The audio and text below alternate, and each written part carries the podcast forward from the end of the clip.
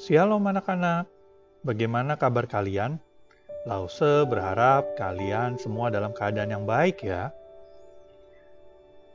Kembali dalam Renungan Anak GKY Mangga Besar. Renungan hari ini berjudul Kebun Anggur Nabot dari 1 Raja-Raja 21 ayat 1 sampai 19. Anak-anak, Apakah kamu pernah mengingini milik orang lain? Mungkin mainan teman kamu, atau pensil penghapus milik teman kamu, atau mungkin tas milik teman kamu. Apa yang kamu lakukan jika mengingini milik orang lain? Mungkin kalian akan menangis, minta kepada papa atau mama, atau langsung mengambil barang yang kita mau, padahal itu bukan milik kita. Nah, anak-anak, ternyata bukan hanya kita yang suka mengingini milik orang lain. Raja Ahab yang sudah punya banyak harta pun masih mengingini milik orang lain. Ada seorang bapak yang bernama Nabot. Ia memiliki sebidang kebun anggur yang letaknya dekat dengan istana Raja Ahab.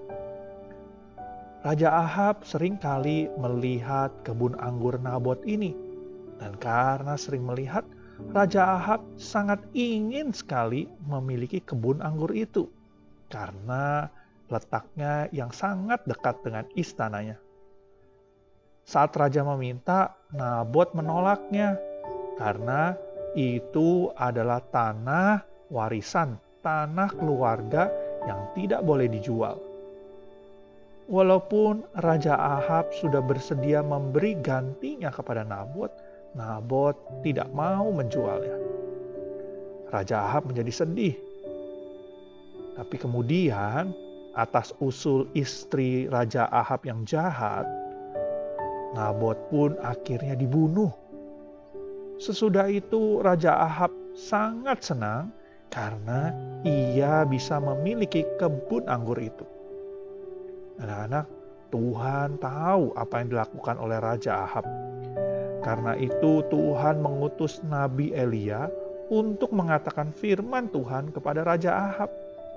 Bahwa karena ia sudah merampas milik orang lain, bahkan membunuh Nabot, maka Raja Ahab akan menerima hukuman, yaitu ia akan mati. Itulah akibatnya jika mengambil milik orang lain, bahkan membunuh. Anak-anak, mari kita berdoa agar kita tidak lagi ingin memiliki milik orang lain, bahkan sampai merampasnya. Kalau kalian menginginkan, kalian harus minta kepada papa atau mama, atau kalian mungkin bisa menabung dan nanti saat uang kalian cukup, kalian bisa membelinya. Yang pasti, jangan pernah merampas, mengambil dengan paksa milik orang lain. Kiranya Tuhan menolong kalian semua untuk melakukan firman-Nya. Amin. Tuhan Yesus memberkati.